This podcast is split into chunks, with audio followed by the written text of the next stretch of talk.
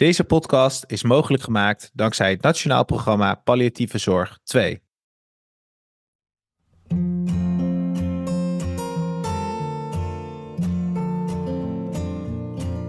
Beste luisteraars, welkom bij een nieuwe aflevering van de Current Podcast. Mijn spreker van vandaag is Henriette Eikelboom. Henriette werkt als verpleegkundige op de oncologieafdeling en heeft meegewerkt aan de basistraining palliatieve zorg van KWF. En ze was al eens bij op 1 te vinden om te praten over palliatieve zorg. Henriette, welkom.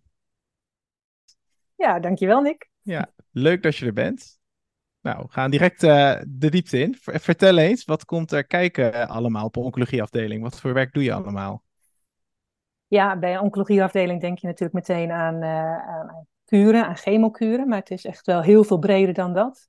Um, we hebben contact, natuurlijk nauw contact met de dagbehandeling, waar um, ja, patiënten curatieve setting uh, hun kuur toch verder komen uitzitten uh, op de afdeling. Maar we zien ook mensen die gewoon na het kuren thuis gewoon simpelweg niet opknappen en ja, helaas opgenomen moeten worden.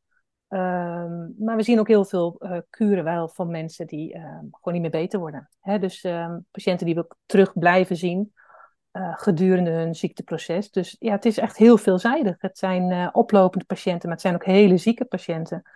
Uh, met ieder zijn eigen traject. En um, ja, um, dat. Het is niet altijd alleen maar slecht nieuws hè, wat bij ons op de afdeling ligt. Er zijn ook echt wel succesverhalen, om het maar even zo te zeggen. Um, maar goed, het is veelal natuurlijk wel eh, dat het verdrietig is. Hè? En dat, uh, dat uh, het kurende gedeelte zien we wel het meest. Dus als je vraagt van wat zie je het meest, dan zijn het de chemokuren. En de patiënten die die kuren heel zwaar vinden en het thuis gewoon niet meer redden, trekken. Precies. En dus ondersteuning nodig hebben. Ja, ja. ja.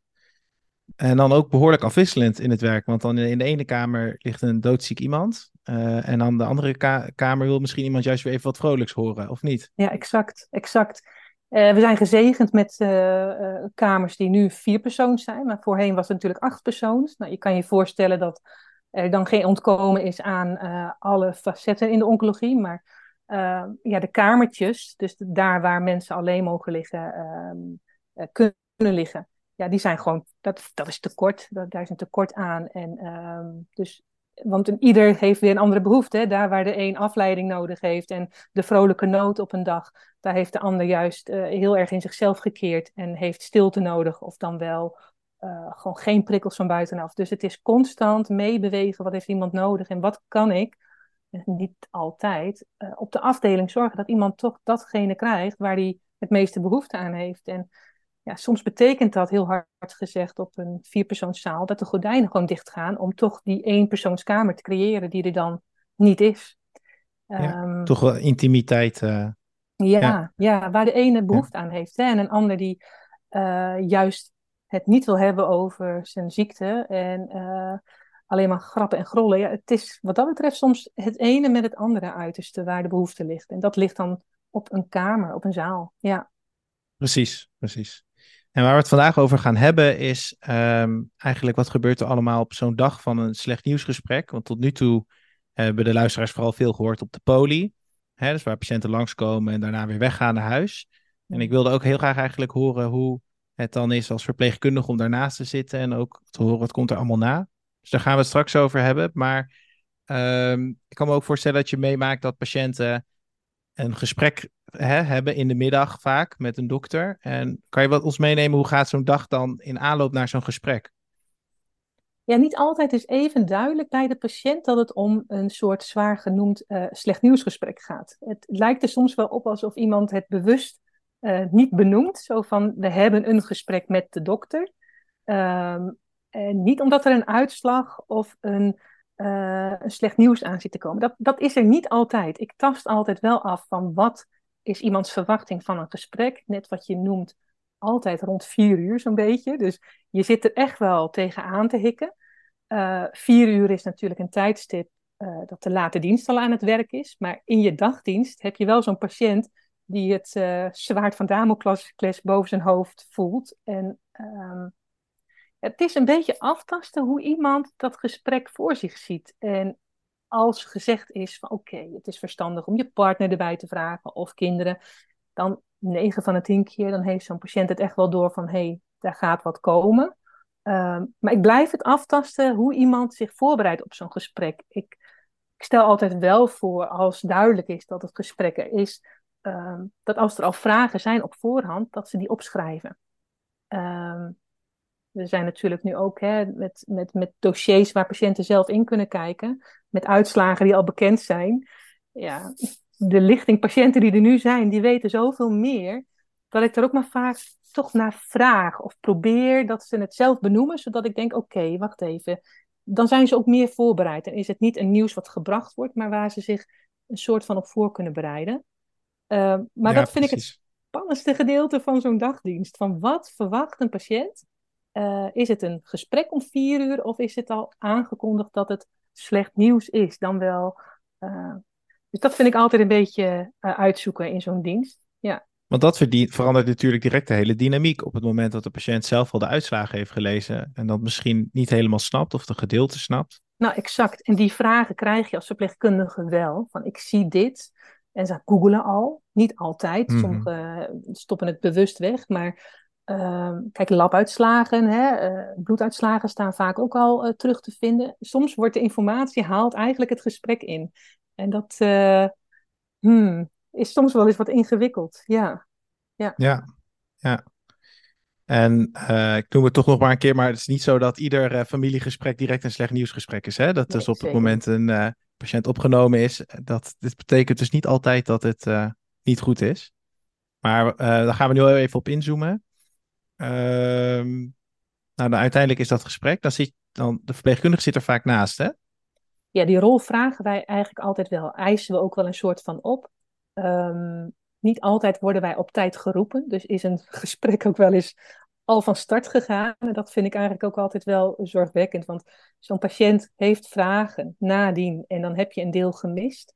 Um, dus wij vragen ook altijd aan de arts op de afdeling van mocht je het gesprek beginnen, dan regel ik een privéplek. Uh, dan zorgen we voor een juiste omgeving. Uh, dan zorgen we ervoor dat het gesprek gewoon rustig kan plaatsvinden.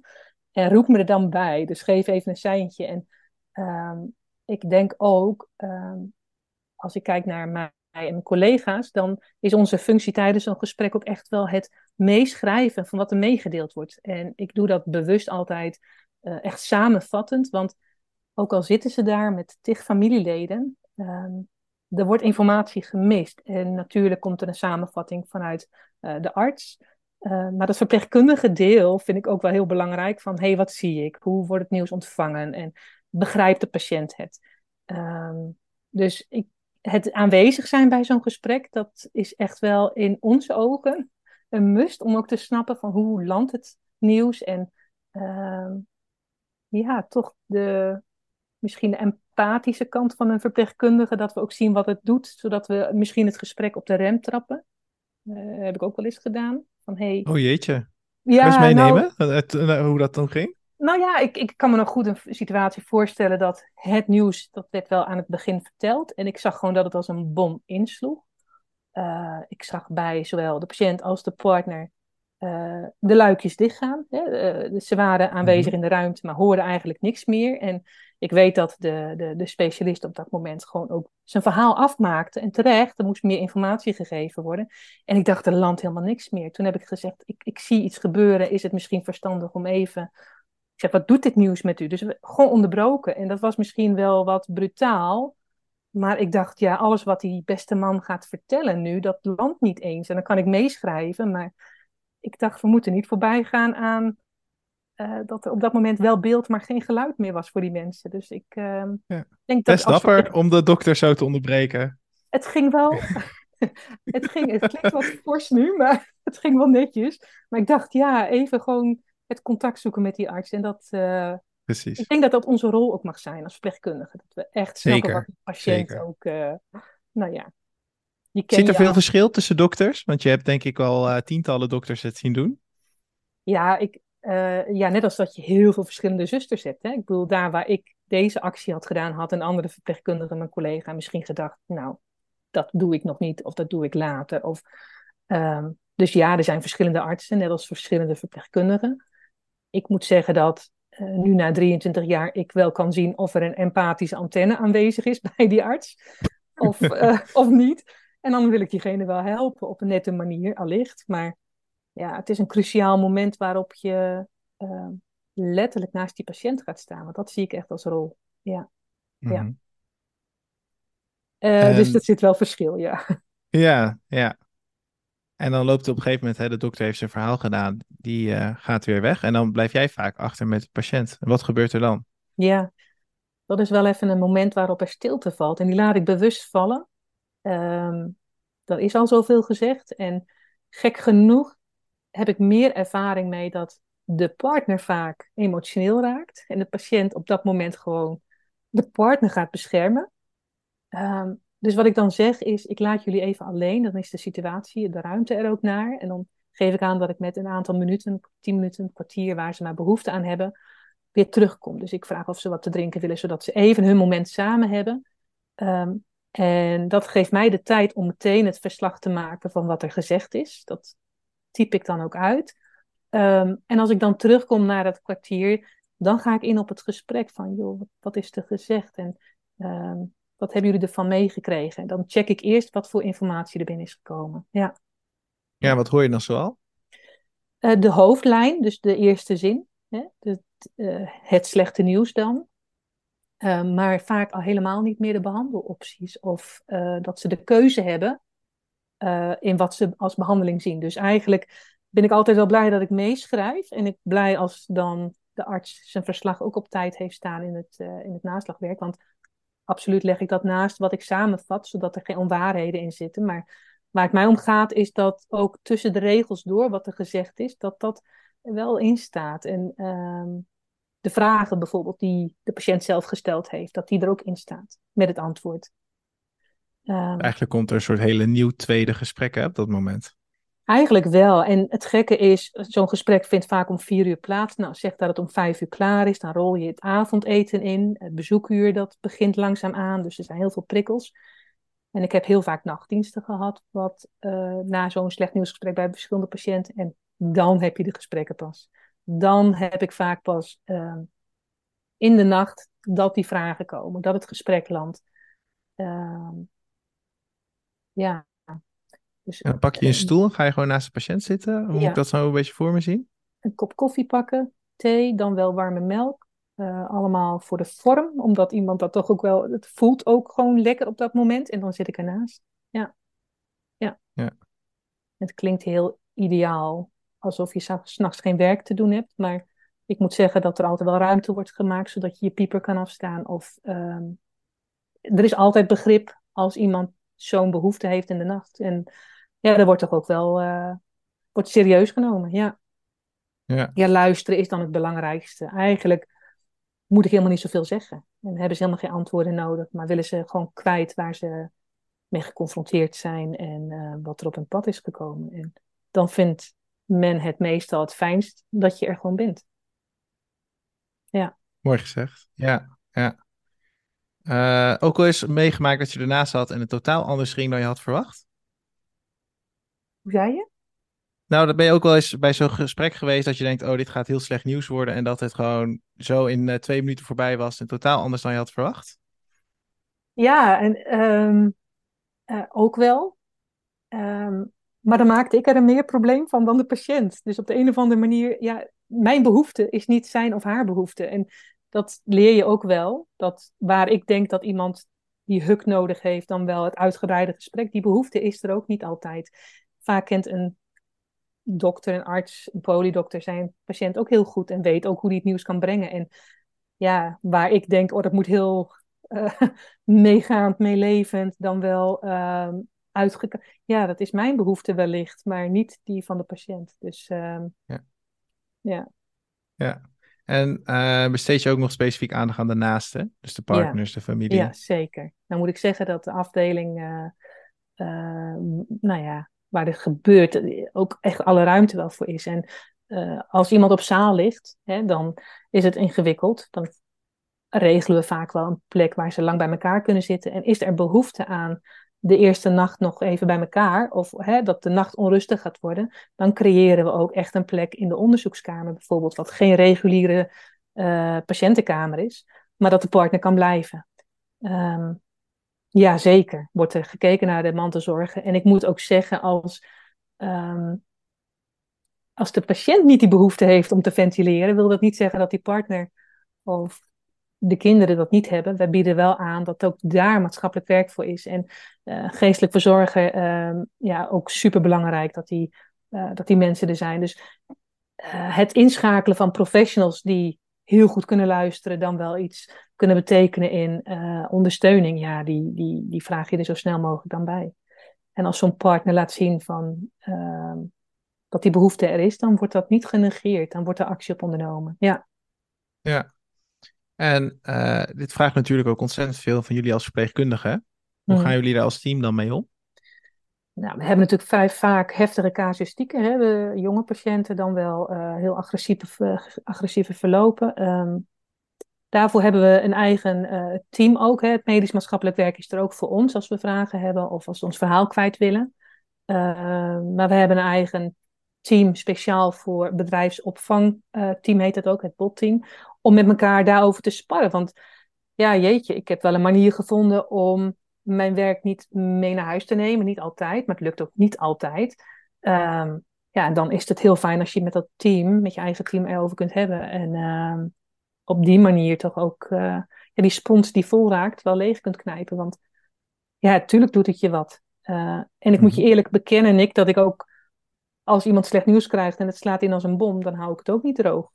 Um, en ik sta niet te grienen, ik sta niet echt enorm te huilen, maar ik, ik, ik heb wel mijn emoties. En die liet ik in het begin niet zo zien, omdat ik dat een teken van zwakte vond. Terwijl ik nu denk, nou, nee, ik laat zien dat ik oprecht bewogen ben. En, uh, maar het is wel goed om met je collega-professionals om het er wel over te hebben. Want we, gaan, we hebben de neiging om door te gaan en dat is denk ik ook niet oké. Okay. Nee. Goede zelfzorg. Mm -hmm. Mooi dat je ja, ik denk dat het inderdaad heel veel kracht uitstraalt om het af en toe wel te laten zien. Hè? Ook die, als het je wel raakt en dat ook gewoon benoemt. Hmm. Ja. Wat vind je van uh, dat gesprekken steeds vaker worden opgenomen door uh, patiënten en naasten? Ja, ik snap hem wel. Ik snap hem wel. En uh, zo goed als ik notuleer tijdens een gesprek, want dat is eigenlijk wat ik doe. Hè? Ik probeer in steno op te schrijven wat er gezegd wordt, zodat het recht doet en dat een uh, aan het gesprek, maar ook dat de patiënt een, een goede samenvatting heeft. Het, ik probeer ook oogcontact te houden en ik probeer ook non-verbaal te lezen wat er gebeurt. Dus ook niet alleen maar in mijn, uh, in mijn schrijven uh, te zitten. Dus ik, je mist dingen. Dus ik kan me voorstellen een gesprek opnemen met ehm, de tonatie van een, hoe iets gezegd wordt. Ik, ik, ik snap hem wel. En ook omdat de gesprekken, vooral in coronatijd, mochten er niet veel mensen bij zitten tijdens een familiegesprek. Ik geloof dat dat ook wel iets gebracht heeft dat mensen dachten van ja, maar ik, ik heb dus wel iets nodig om het gesprek te kunnen reproduceren aan de naasten die ik heb. En uh, ja, ik denk dat het voor heel veel mensen een hele zware tijd is geweest. Uh, ook vooral in corona, dat, het, uh, dat de gesprekken heel, heel alleen werden gevoerd. Heftig man. Ja. ja. Ja. mijn ervaring is ook dat dan toch meer informatie hè, blijft hangen en dat het ook ehm, scheelt om niet het hele verhaal opnieuw te moeten vertellen aan de familie, maar gewoon het doorsturen van luister zelf maar. Precies. ja. Ja, en ik kan me voorstellen dat als een, uh, nieuws vandaag verteld is en je slaapt er een nacht over en een dag of later spreek je familie, dat er dan toch een andere beleving van een gesprek is en er een eigen sausje overheen gegaan is en je eigenlijk misschien gaat twijfelen aan, is dat wel zo gezegd of is dat mijn eigen interpretatie? Dus ik, ik snap hem, ja. Ja, ja. Voordat we nu allemaal jonge verpleegkundigen wegjagen van de oncologieafdeling, kan je ook nog vertellen wat het werk zo mooi maakt? Ja, jeetje, het is heel intiem. Ik, um, um, als je houdt van mensen en als je oprecht geïnteresseerd bent wat iemand beweegt en wat diegene, diegene maakt, dus de echte persoon erachter, dan is de oncologie wel um, uh, en de zorg op zichzelf natuurlijk een, een, een vak waarin je zo dichtbij wordt gelaten ik bedank patiënten regelmatig dat ze me hebben toegelaten. Je bent aan het wassen en je hoort het hele levensverhaal van iemand. Of je helpt iemand zijn haren kammen en je krijgt de machtig mooiste gesprekken. Ja, ik vind dat cadeautjes. Um, je gaat hoe dan ook uh, met een, een, rugzak vol aan uh, waarderingen, want die krijg je echt wel. Um, ga je mee naar huis. Dus um, het is echt wel pittig, maar daar zijn wel manieren voor om elkaar te steunen, denk ik, als collega's. Um, maar het brengt altijd meer. Ja. Nou, kijk eens aan. Mooi. Dankjewel, Henriette. Dat was hem alweer voor deze nee. week. ja, we gaan echt razendsnel door de tijd heen. Wil je nog iets meegeven aan de luisteraars? Uh, nou ja, er is een, uh, een enorm tekort in de zorg. Dus ik zou zeggen, uh, verdiep je wat de zorg inhoudt in het verpleegkundig beroep. ik zou zeggen, ja, nou ja, dat. Dus het is niet alleen maar kom, kom bij ons werken. Wat zeg je? Kom bij ons werken. Ja, kom bij precies, ons werken, heel goed. ja. ja. Mooi. Dankjewel, Henriette. En dankjewel, luisteraars, voor het luisteren van deze aflevering. Volgende week zijn we weer terug met een nieuwe. Bedankt voor het luisteren van deze aflevering. Ben je geïnteresseerd? Volg ons op onze sociale media of ga naar current.nl voor meer informatie.